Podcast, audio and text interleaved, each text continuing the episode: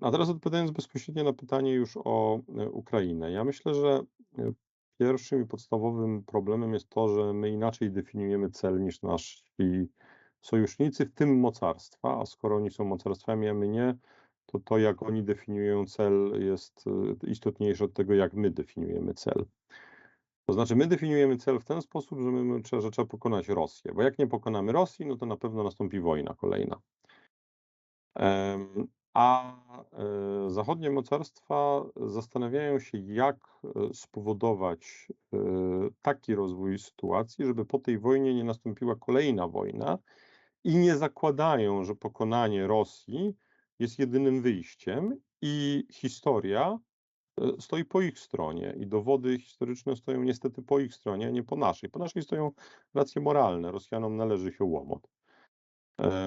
Ale jeżeli spojrzeć na mm, tą formułę, którą kiedyś Woodrow Wilson, a później Nixon powtarzał, czyli pokój bez wojny, e, no to pamiętamy, tak? Wilson, e, Woodrow Wilson proponuje to Europejczykom i mówi, e, oczywiście to nie jest idealny przykład, bo Niemcy były pokonane. Rosja nie wygra, ale nie będzie pokonana. No i Europejczycy nie przyjęli tej opcji. No i 20 lat później Adolf Hitler był u władzy więc może przy, nawet, znaczy jakie 20-15. E, więc być może ta, ta formuła, która jest e, nie do końca moralna, jest w gruncie rzeczy lepsza.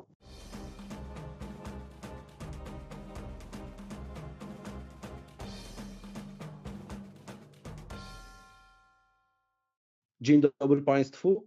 Paweł Kusiak i Łukasz Wyszyński witają serdecznie na kanale Stosunki Międzynarodowe Akademii Marynarki Wojennej jakie jest rzeczywiste zagrożenie wojną Rosji z NATO, a jak wygląda wyobrażenie tego zagrożenia w społeczeństwie.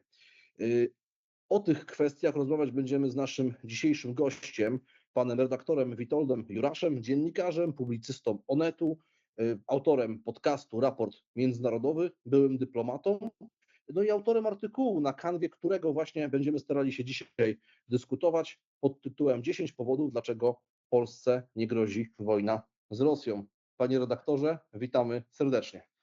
Dziękuję bardzo za zaproszenie. Tak szczerze, tak powodów to tam wymieniłem 14, ale potem je zbiłem, bo y, jak się napisze 12 powodów, e, a co gorsza jeszcze 13 powodów, to brzmi gorzej niż 10 powodów, więc dlatego jest ich 10. E, panie redaktorze, to ja w takim razie pozwolę sobie właśnie od tej symboliki zacząć, no bo e, tak jak pan zauważył, opinia publiczna bardzo często bazuje na tego typu wyrazistych kwestiach, narracjach, e, na tym, że dziennikarze, publicyści, komentatorzy rozwijają myśl jakiegoś polityka albo jakiś cytat szczególnie mocno wybrzmiewa w danym czasie. I rzeczywiście nie możemy uciec od takiego wrażenia, że w ostatnim czasie szczególnie głośno mówi się o zagrożeniu ze strony Federacji Rosyjskiej, ale nie tylko w kontekście trwającej na Ukrainie wojny, ale także tego, co mogłoby się wydarzyć po jej zakończeniu. No i w tym kontekście rzeczywiście politycy i komentatorzy podnoszą, że realna jest groźba wojny, wojny kinetycznej z Federacją Rosyjską, do której my jako Zachód no, jesteśmy mimo wszystko średnio przygotowani. Tak jak zauważył Paweł, pan redaktor y, przygotował analizę, artykuł na łamach Onetu, który wskazuje, że no jest też szereg czynników, które trzeba wziąć pod uwagę, które stawiają ten problem w trochę innej optyce. Więc jak pan pozwoli, to pierwsze moje pytanie, myślę, że takie banalne, ale dlaczego stoi pan na stanowisku, że no to zagrożenie nie jest takie oczywiste i co w pana ocenie w największym stopniu wpływa na to, że jednak y, Federacja Rosyjska nie ma aż tak prostej drogi, żeby rozpocząć kinetyczną wojnę z NATO? Wie pan, jest taka zasada, e, podobno w biznesie, mianowicie, że jeżeli wszyscy mówią, że trzeba kupować e, akcje, to znaczy, że trzeba je sprzedawać. E, no więc ja trochę na tej zasadzie uznałem, że jak już wszyscy zaczynają mówić, że będzie wojna, no to, to zaczyna być trochę podejrzane. I zacząłem słuchać tych oświadczeń, na bazie których straszy się ludzi. No i wysłuchałem tego, co mówią ministrowie obrony, szefowie wywiadów. Mieliśmy całą serię wypowiedzi, prawda? Szef wywiadu Estonii, minister obrony e, Szwecji, e, premierzy, ministrowie spraw zagranicznych. No i się okazuje, że oni wszyscy mówią, że potencjalnie jeśli Rosja by e, pokonała Ukrainę, pierwszy warunek, który nie zostanie spełniony. Szef wywiadu Estonii w wywiadzie dla Tima Sebastiana, niegdyś BBC, mówi, że zagrożenie dla Rosji jest manageable. Zagrożenie ze strony, Rosji jest manageable, czyli jest do opanowania.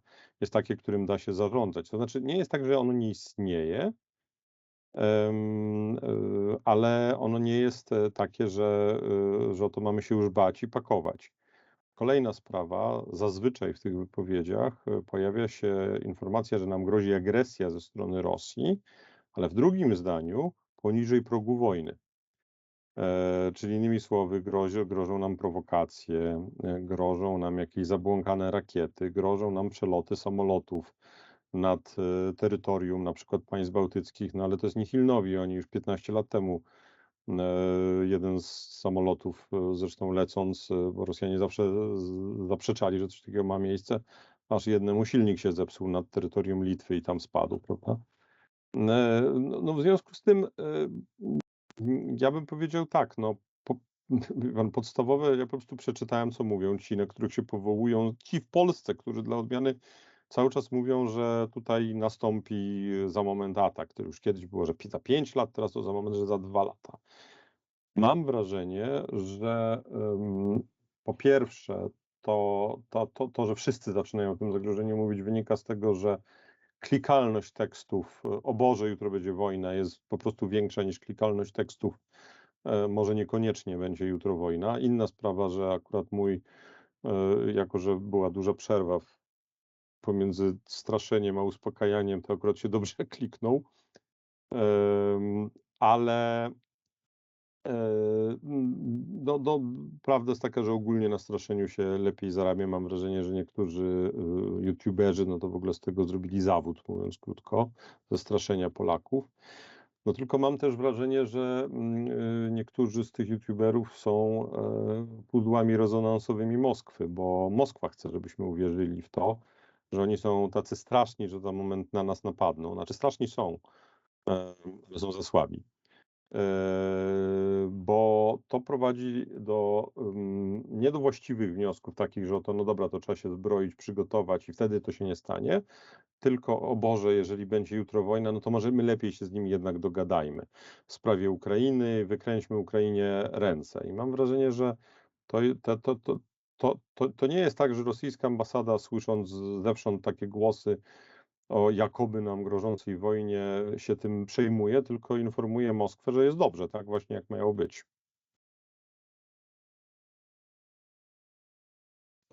I to, panie redaktorze, warto się nad tym chyba mm, zatrzymać, no bo ja pamiętam, myśmy nagrali taką y, rozmowę chyba z generałem Komornickim, którą zatytułowaliśmy, że Rosjanie zarządzają naszą świadomością. I czy my właśnie to powinniśmy tak rozpatrywać? Czy oni są tacy wszechmocni, że potrafią zaaranżować debatę na taką skalę w państwach zachodnich, w Pana ocenie? No co, nie wiem, czy oni są aż tak mocni, czy my jesteśmy aż tak niemądrzy. Raczej bym szczerze powiedział, przemyślał tym drugim. Ja w ogóle mam pewien problem z mm, tym, jak bardzo łatwo Rosjanie y, są w stanie wrzucać, no przepraszam, masło maślane wyjdzie, wrzucać wrótki do naszej debaty publicznej. Pamiętacie, na pewno panowie pamiętają państwa, mm, e, czy też zważywszy na moją dzisiaj tutaj u panów obecność, nasi słuchacze, taki moment kilka lat temu była wielka moda na walkę z rosyjską dezinformacją.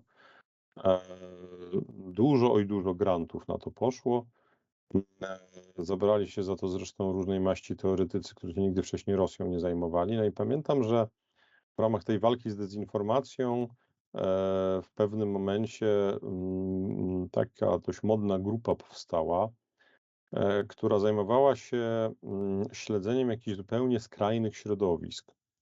E, jakichś e, skrajnie faszyzujących, kibicujących, kibicowskich chciałem, przepraszam powiedzieć. Mm, no tylko jako żywo ja nie kojarzę, żeby którekolwiek z tych środowisk w ogóle wpływało na polską politykę.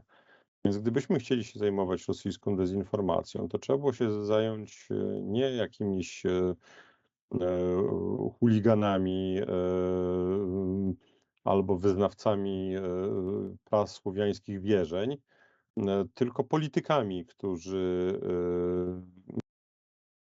głosili antyszczepionkowe teorie na przykład, albo politykami, którzy doprowadzili Polskę do takiego stanu rozedrgania wewnątrz politycznego, że wszystko stało się przedmiotem walki politycznej, łącznie z polityką zagraniczną, albo z politykami, którzy nie potrafili zachować się poważnie w obliczu kryzysu migracyjnego, który nie był kryzysem migracyjnym, tylko był test, testem dla, dla Polski i też, prawdę powiedziawszy, próbą wywołania, wywołania, przepraszam, nagrywamy to wieczorem, trochę zmęczony jestem, stąd przyjęzyczenia, wywołania nastrojów antyimigranckich, które jak sądzę były po to, że żeby Polska nie była w stanie otworzyć granicy dla Ukraińców. To była taka dygresja, Nikt nigdy nie zastanowił się, po co był ten kryzys migracyjny, no bo mamy te odpowiedzi, prawda, że no to Łukaszenka chciał się zemścić, pewnie to był jakiś element,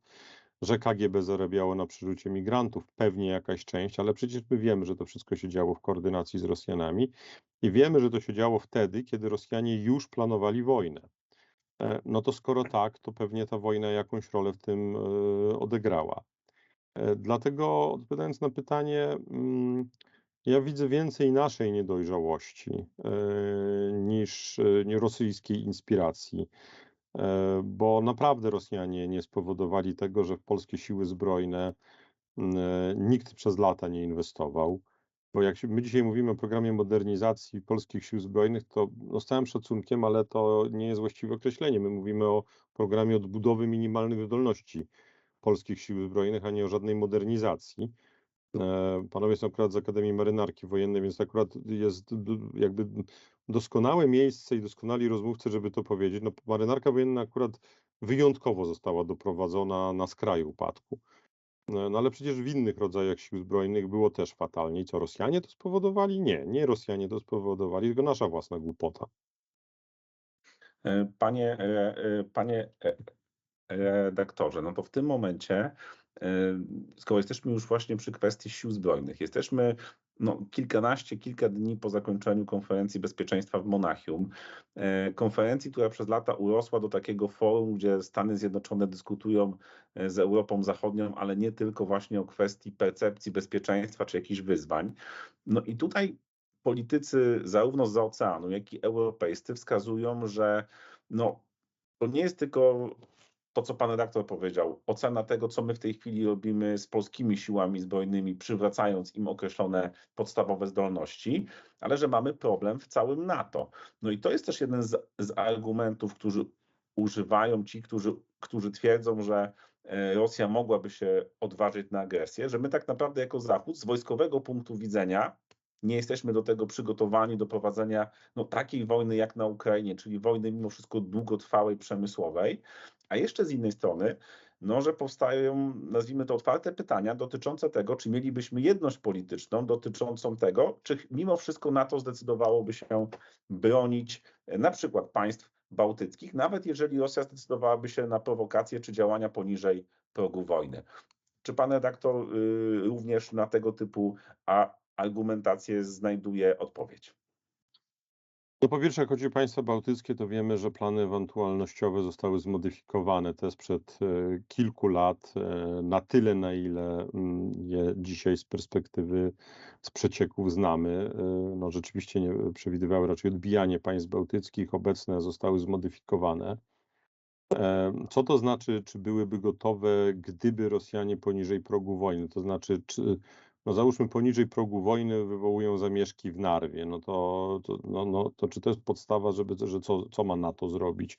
Lotnictwo wysłać? No, no nie, tak? No w tym momencie możemy ewentualnie wysłać jakieś, jakiś, że tak powiem, specjalistów od pałowania. No rozumiem, że to nie byłby wielki kłopot, zresztą domyślam się, że akurat z tym to by sobie Estończycy sami dali radę. W ogóle jest pytanie, prawdę powiedziawszy, czy ta mniejszość rosyjska to byłaby akurat taka radośnie prorosyjska czy proputinowska. Ja mam bardzo poważne wątpliwości. Mm, kilkuset chuliganów oczywiście na pewno można wynająć e, i opłacić, ale czy to byłoby cokolwiek więcej? no mam poważne e, wątpliwości. Czy NATO jest silne, tak jak było silne w szczycie zimnej wojny? No oczywiście, że nie jest, ale czy Rosja jest tak silna jak Związek Sowiecki w szczycie zimnej wojny? No to też nie. E, poza wszystkim jest nadwyrężone przecież przez e, tą wojnę, no bo, no bo ten, ta, ta, ta ilość sprzętu, którą oni stracili, jest naprawdę znacząca. A jeżeli spojrzeć na na przykład elitarne dywizje, czy, czy, czy tamańską, czy kantemirowską, no to, to po prostu są jednostki, które de facto przestały w pewnym momencie istnieć, tak? One są odbudowywane. Ta zimna wojna obecna, bo my jesteśmy w czymś rodzaju zimnej wojny, wydaje mi się, że się tym różni od zimnej wojny tej oryginalnej, że tam e, ścierały się dwie e, potęgi, dwie wielkie siły, a teraz można powiedzieć, że e, ścierają się słabi z jeszcze słabszymi. No tyle, że śmiem twierdzić, że Rosjanie są jednak tymi jeszcze słabszymi, a nie my. No bo jeżeli za cenę 4%, a jak tam zliczyć całą pomoc europejską, 5% amerykańskiego budżetu obronnego, E, udało się, e, przepraszam za potoczność, skasować prawie 3000 czołgów. Nieważne, czy to jest 2,5 tysiąca, czy 3200, no nieważne, plus minus połowę e, czołgów, które Rosjanie mieli na stanie. Oczywiście tutaj ktoś powie, ale oni mają 12 tysięcy. No nie, nie mieli 12, mieli między 5 a 6, a pozostałe to mieli na składach, tak? I oczywiście uzupełniają te swoje straty, no tylko rzecz polega na tym, że Mm, e, tych nowych czołgów, które trafiają, e, no skupiłem się akurat na czołgach w tej chwili, ale moglibyśmy tak w każdej mhm. kategorii sprzętu mówić, tych nowych czołgów e, na, na front trafia ułamek. Większość to są rozkonserwowane stare 7 dwójki, niezmodernizowane, nie żadne B3, prawda? A, a, a już wersje B3 czy T90 okazuje się, że, że tak powiem, mają, no, że tak powiem, w konkursie na rzucanie wieżą e, konkurują ze sobą, a 7.2 nijak nie zmodernizowana, tylko ewentualnie obłożona e, pancerzem reaktywnym, no, wielkiej wartości bojowej sobą e, nie będzie prezentować, tak, w stosunku do, do NATO. Jak spojrzymy na lotnictwo, no to znowu rosyjskie lotnictwo nie operuje nad Ukrainą. Czy Ukraina dostała jakieś gigantyczne wsparcie w zakresie obrony przeciwlotniczej? Ona dostała, ona dostała oczywiście znaczne wsparcie z punktu widzenia Ukrainy, ale nie z punktu widzenia NATO. E, więc w razie e, przerzucenia e, obrony przeciwlotniczej amerykańskiej z jakiejś znaczniejszej postaci na wschodnią flankę, to rosyjskie lotnictwo nie tylko nie będzie operować nad naszym terytorium, ale ono w ogóle nie będzie operować w pobliżu frontu. Jak chodzi o śmigłowce bojowe, no to yy, ostatnio czytałem yy, jakieś opracowanie RAND, że łączna e, liczba K-52, e, czyli tych najnowocześniejszych rosyjskich śmigłowców uderzeniowych obok, prawda, Mi-28, tam zresztą, no dobra, nie wchodźmy w szczegóły, one tak często w, w tandemie, prawda, działały, no to straty bezpowrotnie zniszczone, uszkodzone, bądź też takie, które po prostu wylatały swój resurs, bo były tak intensywnie używane, E, no to jest w tej chwili do 30%. E, bez użycia przecież w ogóle e, sił prawda, amerykańskich, bo, bo my bierzemy udział w tej wojnie w takim sensie, że wspomagamy Ukrainę, no ale bezpośrednio nie bierzemy udziału. W związku z tym ja bym, ja bym tutaj był jednak raczej optymistą, a zresztą mam jeszcze jeden argument na koniec bo słyszę dość długo swój głos, czyli to znaczy, że monologuję, więc e, jakby mam, ale mam minimum samoświadomości, więc obiecuję, że zaraz już będę milczał. Ale jeden z moich przyjaciół zadał mi pytanie, czy uciekać. Ja mówię, wiesz, jak zobaczysz amerykański biznes, że ucieka, no to wtedy ewentualnie wyjeżdżaj na autostradę nach Berlin. E, ale tak y, generalnie mm, to zdaje się, on nie wyjeżdża, tylko przyjeżdża. W związku z tym no to jest jakaś miara, prawda? Bo my możemy sobie dywagować, e, natomiast myślę, że korporacje, które tutaj wchodzą e, mm, z inwestycjami po kilkaset milionów albo kilka miliardów, no to mają e, takich doradców, e, którzy mają dobry staż w CIA i No właśnie. DIA. I w tym ale Rosjanie wysyłają równolegle do tego taki komunikat propagandowy, czy też narrację strategiczną taką. Sankcje wasze nie zadziałały, nasza gospodarka się obroniła. Przestawiliśmy gospodarkę na tryb wojenny do tego stopnia, że nie ma bezrobocia, produkujemy sprzęt od rana do wieczora, a przecież wiecie, że w drugą stronę to tak łatwo tego nie można y, przestawić. Nasze wojsko co by nie mówić, ale akceptujemy duże straty na Ukrainie. Krok po kroku sukcesy odnosimy. Sprzęt technologicznie schodzimy na coraz niższe poziomy, ale dzięki naszej tego, że nie dokonaliśmy no, likwidacji naszego przemysłu, jesteśmy w stanie y, jesteśmy w stanie zasypać ich tymi starymi T-70 dwójkami, a wy na zachodzie i tak nie macie konsensusu politycznego. Niemcy produkują, tu strzelam tak teraz, bo, y, 20 czołgów rocznie, my produkujemy dużo więcej i na długą metę my tą Ukrainę złamiemy, a potem przyjdziemy, przyjdziemy po was. Jak, jak, na to, jak, jak, jak, jak na to odpowiadać? No, to po pierwsze porównałbym cenę Javelina i tego czołgu, które oni wysyłają na front. e, mm, I powiedziałbym, że my niższym kosztem jesteśmy w stanie e, te ich e, wspaniałe czołgi wysyłać e, wraz z ich załogami na tamten świat, niż, niż oni są w stanie te czołgi dosyłać. Dosyłają też, przypomnijmy, ostatnio T-62 E, A nawet pojawiły się nagrania T55, to to już nawet, prawdę powiedziawszy, myślę, że szkoda nawet Javelina tracić na T55 i na T62, bo to jest zbyt dobra wyrzutnia przeciwpancerna i po prostu można jakiś ta, ta, tańszy sprzęt ewentualnie od talibów odkupić. E, Więc to, to, to, to jakby to też warto o tym pamiętać. E, Czy Rosjanie przestawili cały przemysł na, na tory produkcji zbrojeniowej? Nie. Rosjanie zintensyfikowali produkcję w ramach zakładów przemysłowych. No i tu rzeczywiście na przykład mają duże zdolności produkcji em, amunicji artyleryjskiej. To jest na przykład ich przewaga, co powoduje y, nierównowagę w silostrzału artyleryjskiego, ale oni nie przestawili całego przemysłu na produkcję zbrojeniową e, z jednego e, zupełnie banalnego powodu, dlatego że e, Rosji politycznie liczy się Moskwa i Petersburg, no jeszcze ewentualnie Kazań, em, kilka miast, prawda?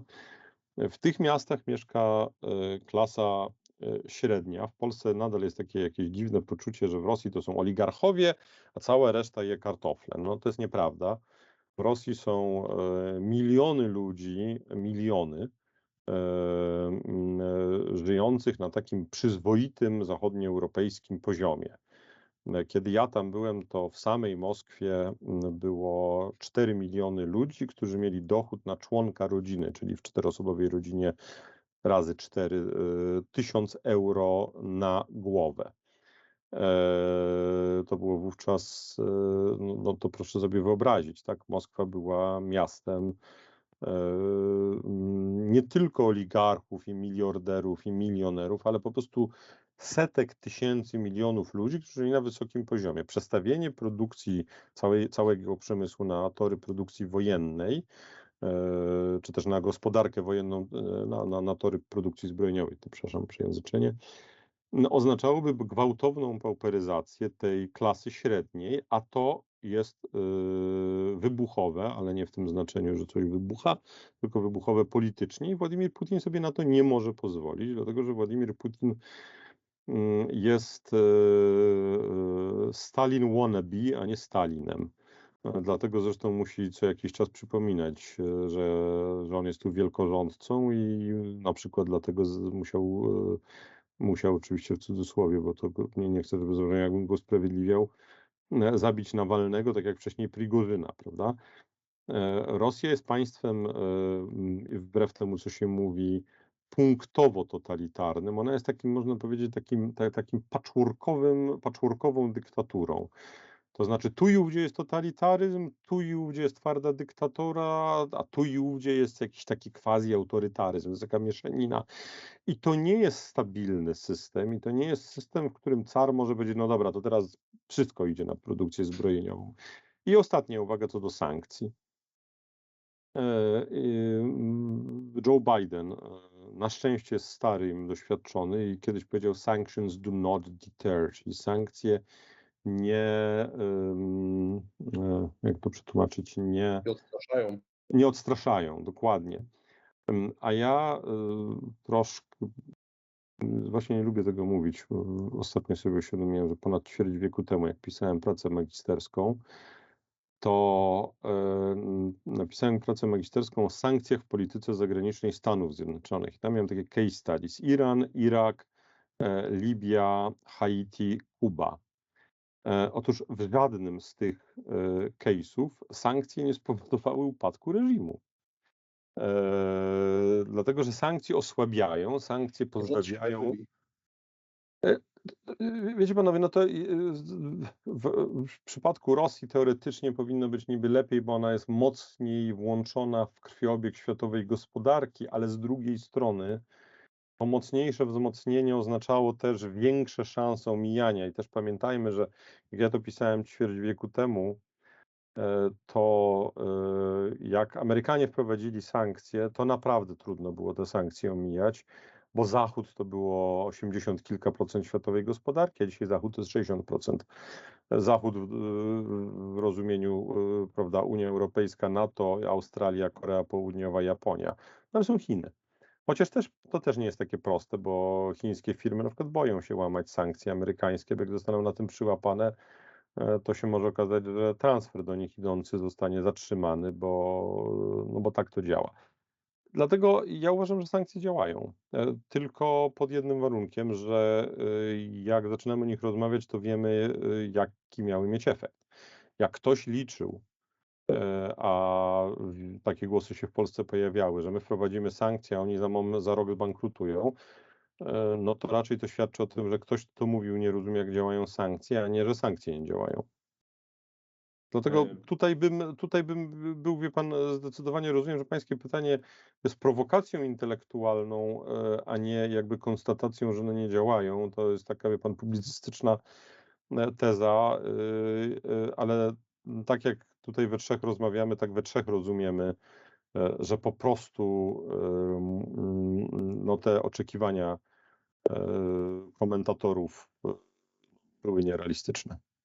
Tak, znaczy, no tutaj można powiedzieć nawet, że większość osób, które zajmuje się analizą trendów makroekonomicznych, pokazuje, że no sankcje są czymś, co nazwijmy to powodują, że gospodarka danego państwa w długiej perspektywie czasu po prostu nie jest w stanie dostosować się do, do zmian, które zachodzą na globalnym rynku, co oznacza, że Rosja tak naprawdę te konsekwencje będzie odczuwała długo jeszcze po tym, jakby ta wojna miała się zakończyć.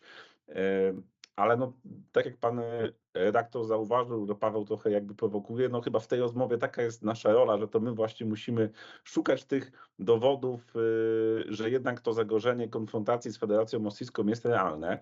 I tutaj jednym z takich argumentów jest na pewno e, to, że no pewnie w Moskwie czekają trochę na rozstrzygnięcie wyborów prezydenckich w Stanach Zjednoczonych, szczególnie, że potencjalny kandydat partii republikańskiej, Donald Trump, no mówi, że gdyby on rządził, gdyby on w tej chwili doszedł do władzy, to zarówno rozwiązanie kwestii ukraińskiej nastąpiłoby stosunkowo szybko, no a z drugiej strony cały czas odgraża się eu- europejskiej części NATO, że nieodpowiednio modernizuje swoje siły, nie wydaje odpowiednich środków finansowych na armię.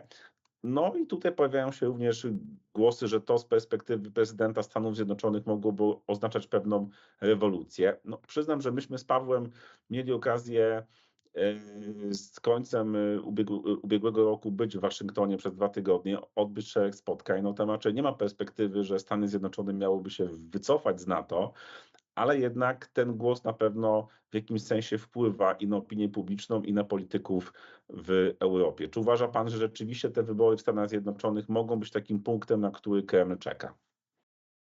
Na pewno tak, bo na pewno no, Trump dał wiele przesłanek, by sądzić, że e, no, jego y, rządy byłyby y, korzystniejsze i że pozwoliłyby Putinowi się dogadać na lepszych warunkach. E, Zresztą zwracam uwagę, że w tym, co przed chwilą powiedziałem, jest założenie, że oni się chcą dogadać. No myślę, że chcą. Myślę, że oni chcą wypełznąć z tej wojny, tylko nie za bardzo mają jak. Co nie znaczy, że oczywiście oni przestają być imperialistami i, e, synami. E, To, to, to dla jasności. E, Natomiast ja podzielam tutaj to, co pan powiedział. E, Ja nie sądzę, żeby Trump był, był katastrofą. Trump będzie złą wiadomością, ale nie będzie katastrofą. E, Tym, czego ja się najbardziej obawiam, prawdę powiedziawszy, jest to, że Trump będzie zagadką. A jak Trump będzie zagadką, to Władimir Putin może stwierdzić, e, że, no, no, że on też jest zdezorientowany, to postanowi przetestować, co też to oznacza. I to samo w sobie jest niebezpieczne. Mm, e, mm, Te wypowiedzi Trumpa, o, to takie pokrzykiwanie na Europę, no, y, z jednej strony to jest jakiś pozytyw, bo może on w końcu rzeczywiście zmusi Europę do poważnego traktowania swojego bezpieczeństwa. E, No ale to będzie raczej skutek uboczny, bo jednak główny skutek jest negatywny. Znaczy te takie wypowiedzi poddające wątpliwość e, bezpieczeństwo no, są e, wyjątkowo, wyjątkowo niefortunne, bo ja nie spodziewam się, że Władimir Putin mm, pójdzie na wojnę z NATO. E, Wydaje mi się, że Władimir Putin e, nie oszalał, to znaczy nic nie wskazuje na to, żeby oszalał. On jest łobuzem, zabójcą, e, może ludobójcą, ale, ale szaleńcem nie jest. Nie ma żadnych przesłanek, by tak sądzić. Natomiast jest też ryzykantem. I jeżeli nie. Ja bym powiedział tak, lepszy prezydent amerykański, silny albo słaby, ale byle Kreml wiedział, jaki on jest. Najgorzej, jako, no, jak, jak Kreml będzie miał wątpliwości i uzna, że e, no to skoro nie wiemy, jak zareaguje, no to teraz zrobimy właśnie jakąś taką, prawda, prowokację poniżej progu wojny, żeby przetestować. E, I tego bym się e, obawiał. No właśnie, wspomniał Pan, że oni chcieliby się z tej y, wojny wyplątać. No i nie za bardzo wie, wiedzą jak, no bo pewnie głównym założeniem jest to, żeby się wyplątać bez załamania wewnętrznego reżimu politycznego, a trudno byłoby, przypuszczam, nawet tak jak fajnie Pan to określił, w tym patchworkowym totalitaryzmie, wyjaśnić społeczeństwu, że zaangażowaliśmy y, tak wielkie zasoby mimo wszystko dla y, no, czegoś, co trudno byłoby opisać jako taki pełny sukces. Znaczy, to co pan prognozuje w związku z tym odnośnie wojny na Ukrainie? Czy to się będzie tak, tak, tak ciągnęło, tak gotowało, tak jak teraz i Rosjanie tam będą trochę grali, żeby zniechęcić Zachód do wsparcia, będą liczyli na nową sytuację z Trumpem? Czy, jest, czy- my sobie możemy wyobrazić, że gdzieś tam y, w no, mrocznych odmętach jakichś gabinetów na świecie są jakieś koncepcje przygotowywane, jak się z tego wyplątać jakoś tak y, sensownie, czy to jest jednak no, odcinek globalnej, globalnej konfrontacji, jeden z frontów, no i to się będzie po prostu, po prostu toczyło, no bo jesteśmy na takim etapie sprzeczności międzynarodowych, że, że, że, że, musi, że musi się tlić. To zanim odpowiem na to główne pańskie pytanie, to, to, to jeśli pan pozwoli, odniosę się do tego, mm, co pan przed chwilą powiedział, że się musi tlić. W pewnym sensie świat już tak wygląda, że się będzie tliło zawsze. Jak nie tu, to gdzie indziej. No bo e, świat jest cichy i spokojny, jak jest dwubiegunowy. I obie strony e, gwarantują sobie wzajemne zniszczenie w razie wojny. Świat jest cichy, spokojny, stabilny, jak jest jednobiegunowy, jest tylko jedno mocarstwo.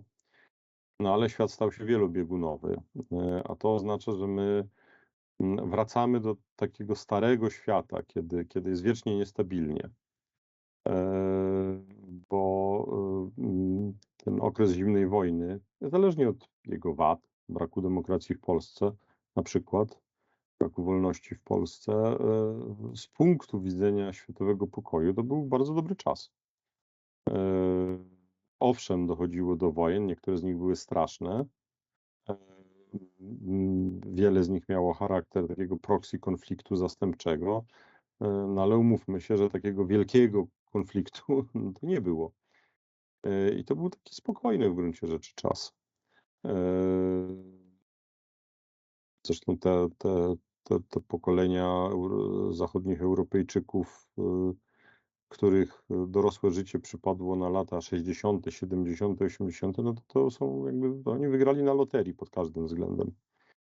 E, A teraz odpowiadając bezpośrednio na pytanie już o e, Ukrainę. Ja myślę, że e, pierwszym i podstawowym problemem jest to, że my inaczej definiujemy cel niż nasi sojusznicy, w tym mocarstwa, a skoro oni są mocarstwami, a my nie, to to jak oni definiują cel jest e, istotniejsze od tego, jak my definiujemy cel. To znaczy, my definiujemy cel w ten sposób, że, my, że trzeba pokonać Rosję, bo jak nie pokonamy Rosji, no to na pewno nastąpi wojna kolejna. A e, zachodnie mocarstwa zastanawiają się, jak e, spowodować e, taki rozwój sytuacji, żeby po tej wojnie nie nastąpiła kolejna wojna i nie zakładają, że pokonanie Rosji jest jedynym wyjściem i historia e, stoi po ich stronie i dowody historyczne stoją niestety po ich stronie, a nie po naszej. Po naszej stoją racje moralne. Rosjanom należy się łomot. Ale jeżeli spojrzeć na tą formułę, którą kiedyś ukuł Woodrow Wilson, a później Nixon powtarzał, czyli pokój bez wojny, no to pamiętamy, tak? Wilson, e, Woodrow Wilson proponuje to Europejczykom i mówi, e, oczywiście to nie jest idealny przykład, bo Niemcy były pokonane. Rosja nie wygra, ale nie będzie pokonana. E, No i Europejczycy nie przyjęli tej opcji. E, No i 20 lat e, później Adolf Hitler e, był u władzy.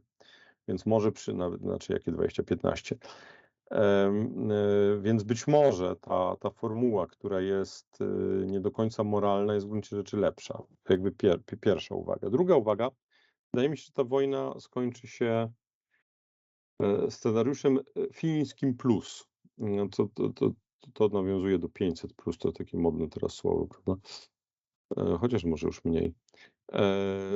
Co, co mam na myśli? To znaczy fińskim plus bez finlandyzacji, o żeby jeszcze utrudnić. E, Kiedy mówię scenariusz fiński, to znaczy chodzi mi o e, scenariusz po wojnie zimowej, czyli taki, w którym e, Finlandia zachowała niepodległość i suwerenność, ale za cenę utraty pewnej części terytoriów. Plus dlatego, że wzmocniona gwarancjami bezpieczeństwa takimi lub innymi, optymalnie obietnicą wejścia do NATO. No, za tym się przecież w którymś momencie nawet Kissinger opowiedział, czyli ostatni człowiek, po którym się można było spodziewać. Bez finlandyzacji, bo kiedy się mówi o tej Finlandii, to bardzo często od razu jest prawda, skojarzenie z finlandyzacją, czyli tym scenariuszem neutralizacji. No to było e, do rozważenia przed wojną, e, ale już nie teraz. E, Więc, więc tak wydaje mi się, że, że, że, że tak wydaje mi się, że ta wojna się skończy. I kolejny element, em, bo to tak gdzieś pobrzmiewało w pańskim pytaniu, kiedy pan o mrocznych gabinetach. A to wie pan, jak mroczne gabine- gabinety, to tak trochę brzmi, mm, e, e, że to prawda, ten, ci zaprzańcy z zachodu to nas zdradzą, prawda? Znaczy Ukrainę to już na pewno zdradzą, a potem nas i Bałtów oddadzą nas na pożarcie. No tylko z rosyjska mówiąc nachrien. Nachier chciałem powiedzieć, przepraszam, albo nachrien, no jak to woli. No niby co mieliby z tego mieć, tak? No już pomijam, że mieliby same minusy, dlatego że jakby tak zrobili, to już jest rzecz, o której pisałem y, w swoim tekście w Onecie, no to jakie wnioski by wyciągnęła Korea Południowa i Japonia, które są państwami progowymi? No, że muszą mieć bombę atomową, skoro amerykańskie gwarancje są nic nie warte. A, jak, a jaką gwarancję, ja, jakie, jakie wnioski by wyciągnęli Saudowie, że się trzeba stać państwem progowym, a później mieć bombę atomową, a to byłaby trochę gorsza bomba atomowa niż japońska albo południowo-koreańska. E, Mówiąc krótko, jakby Amerykanie zdradzili, tak jak straszą szczególnie moi ulubieni e, geopolitycy w Polsce, to znaczyłoby, że postanowili sobie rozmontować swoje imperium. E, Innymi słowy, ci, którzy mówią, że nas zdradzą, mówią, że Amerykanie, którzy mają 25% światowego PKB, w obliczu rosyjskich całych 2% postanowią zrobić Hände hoch i się poddać i zlikwidować imperium amerykańskie. Ja nie czuję się ekspertem od Stanów Zjednoczonych, ale śmiem twierdzić, e, pomimo faktu, iż ekspertem od Ameryki nie jestem, że Don- Donald Trump jest innym amerykańskim imperialistą, ale nadal amerykańskim imperialistą, że tak e, staromodnie to ujmę. E, I jakoś nie podejrzewam, żeby on właśnie postanowił, no, no niby co miałby dostać w zamian? Co ma, miałaby niby Rosja mu do zaoferowania? Tak, bo, bo tutaj na pewno trzeba się zgodzić z panem redaktorem, że w przypadku amerykańskich prezydentów, no to nie jest zawsze od, zupełnie odmienna koncepcja czy kierunki amerykańskiej polityki. No są inne akcenty, podejście bardziej multilateralne albo mimo wszystko bardziej e, taka polityka trochę na przekór prawu międzynarodowemu, ale ostatecznie chodzi o to, żeby ta amerykańska strefa wpływu była jak najbardziej rozległa i kontrolowana. I mm, tutaj pojawia się jeszcze jeden argument, to znaczy mówiący o tym, że ta wojna mimo wszystko Federację Rosyjską systemowo osłabia, wpycha ją w asymetryczny sojusz z Chinami. No i że tak naprawdę środek ciężkości pewnych decyzji dotyczących tego, czym ta wojna na Ukrainie może być w przyszłości, tak naprawdę wymyka się spod decyzji państw europejskich, a w większym stopniu może być uzależniona na przykład od relacji amerykańsko-chińskich i potencjalnej eskalacji napięć na przykład wokół cieśniny tajwańskiej. Czy pan redaktor uważa, że tego typu tezy, no też oczywiście wygłaszane przy założeniu pewnych koncepcji geopolitycznych, to znaczy, że e, napięcia na linii Waszyngton-Pekin doprowadzą do jakiegoś konfliktu regionalnego w Azji i w obszarze Azji i Pacyfiku, no mogą de facto mm, wymusić na Federacji Ro, Rosyjskiej kontynuowanie albo nawet jeszcze rozszerzenie frontu wojny w Europie. Po pierwsze, ja nie wierzę w wojnę amerykańsko-chińską. Wydaje mi się, że e, Chiny i Stany Zjednoczone e, łączy również e, swego rodzaju mutually assured destruction, tylko gospodarcze. To znaczy Chiny oczywiście mogą e, doprowadzić do wojny ze Stanami Zjednoczonymi, no tylko że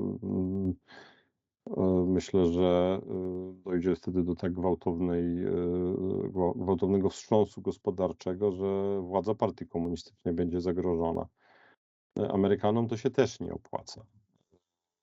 W związku z tym raczej, prawdę powiedziawszy, myślę, że to mm, no oczywiście Xi Jinping y, no jest y, mniej wstrzemięźliwym chińskim przywódcą w porównaniu z jego poprzednikami, mm, ale nie wierzę w, w tą wojnę. Ale gdyby do niej doszło, to prawdę powiedziawszy, myślę, że Rosja skorzystałaby z okazji, żeby e, się dogadać ze Stanami Zjednoczonymi, a nie żeby Chiny wesprzeć. Bo Rosja doskonale rozumie, że z Chińczykami tak pogrywać jak z nami, to ona nie będzie mogła.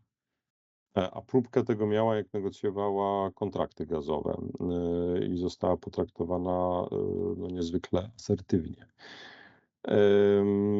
Ja w ogóle twierdzę, i to nie jest może powszechna opinia w Polsce, a raczej może nawet ona jest po prostu powiedzmy wprost mniejszościową opinią, że mm, napaść na Ukrainę w gruncie rzeczy dowodzi tego, że e, Rosja wybiera Zachód, a nie Chiny, e, a nie na odwrót. Tylko, że ona właśnie dlatego, że wybiera ten kierunek jako ten swój główny i strategiczny, to uznała, że w takim razie ona jeszcze teraz, póki jeszcze może, e, spróbuje jakby ugrać tyle, ile się da, dlatego że rozumie, że słabnie.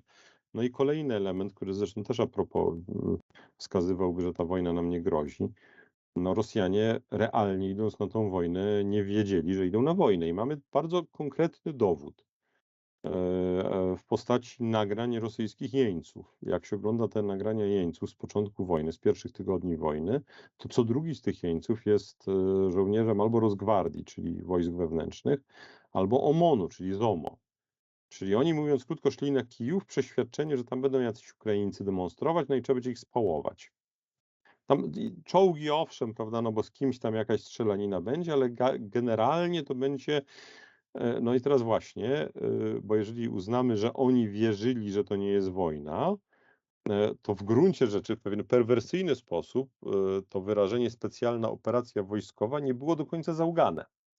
E, Bo oni naprawdę chyba uwierzyli w to, że to nie, że to nie będzie wojna. E, No, jakby bardzo się cieszmy, że się pomylili. Panie redaktorze, to takie ostatnie już pytanie. Jak pan sądzi, czy gdyby Władimir Putin przed rozpoczęciem wojny wiedział to wszystko, co wie dzisiaj po dwóch latach wojny, to by się na tą operację zdecydował? Czy jednak zagrałby inaczej?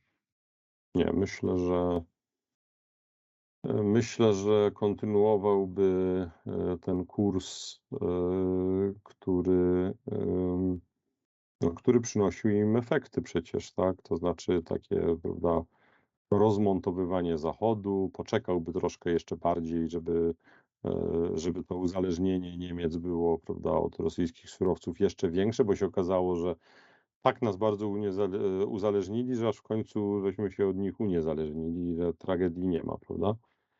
Mm, Myślę, że y, pozwoliłby rosyjskim y, służbom demolować państwo ukraińskie od wewnątrz. E, No bo koniec końców, ja ja oczywiście rozumiem, no tam zginęli ludzie, no niewinni ludzie, jest taka sesja zdjęciowa, znaczy sesja, przepraszam, to złe słowo. Taka seria zdjęć, tak powinienem powiedzieć, zrobionych przez e, reportera Agence France Presse e, w szpitalu w Kijowie. Najpierw w karetce, później w szpitalu, kiedy e, ojciec, no wszyscy jesteśmy z brodą, ale taki w naszym wieku. Najpierw taki przerażony trzyma się za głowę, a leży jego córeczka, taka 6-7-letnia, e, którą reanimują. Później w szpitalu jest zdjęcie, później jest zdjęcie te, te, tej, tej dziewczynki, która zmarła e, w wyniku rosyjskiego strzału. e, I to jest takie. e, Ja przepraszam, ale za, po prostu jak widzę to zdjęcie, to mnie coś tu łapie. E, Ja po prostu sam mam dzieci starsze już, ale to takie małe ciałko, no takie, takie, takie małe ciałko. I jak sobie o tym pomyślę, to, e, to mam nadzieję, że, że ich że spłoną w piekle i prawdę powiedziawszy. mm, Tylko ja, ja mam pewien problem z tym, e, co my w Polsce nieraz e, mówimy o, o Rosji. Problem ten polega na tym, że ja mam wrażenie, że my mówimy, no, że to jest prawda Putin, Putin, Putin to, Putin tamto. A to nie jest tylko Putin. To jest Rosja i Rosjanie. Większość Rosjan popiera tą wojnę. My oczywiście możemy teraz dyskutować, czy to jest większy procent, mniejszy procent.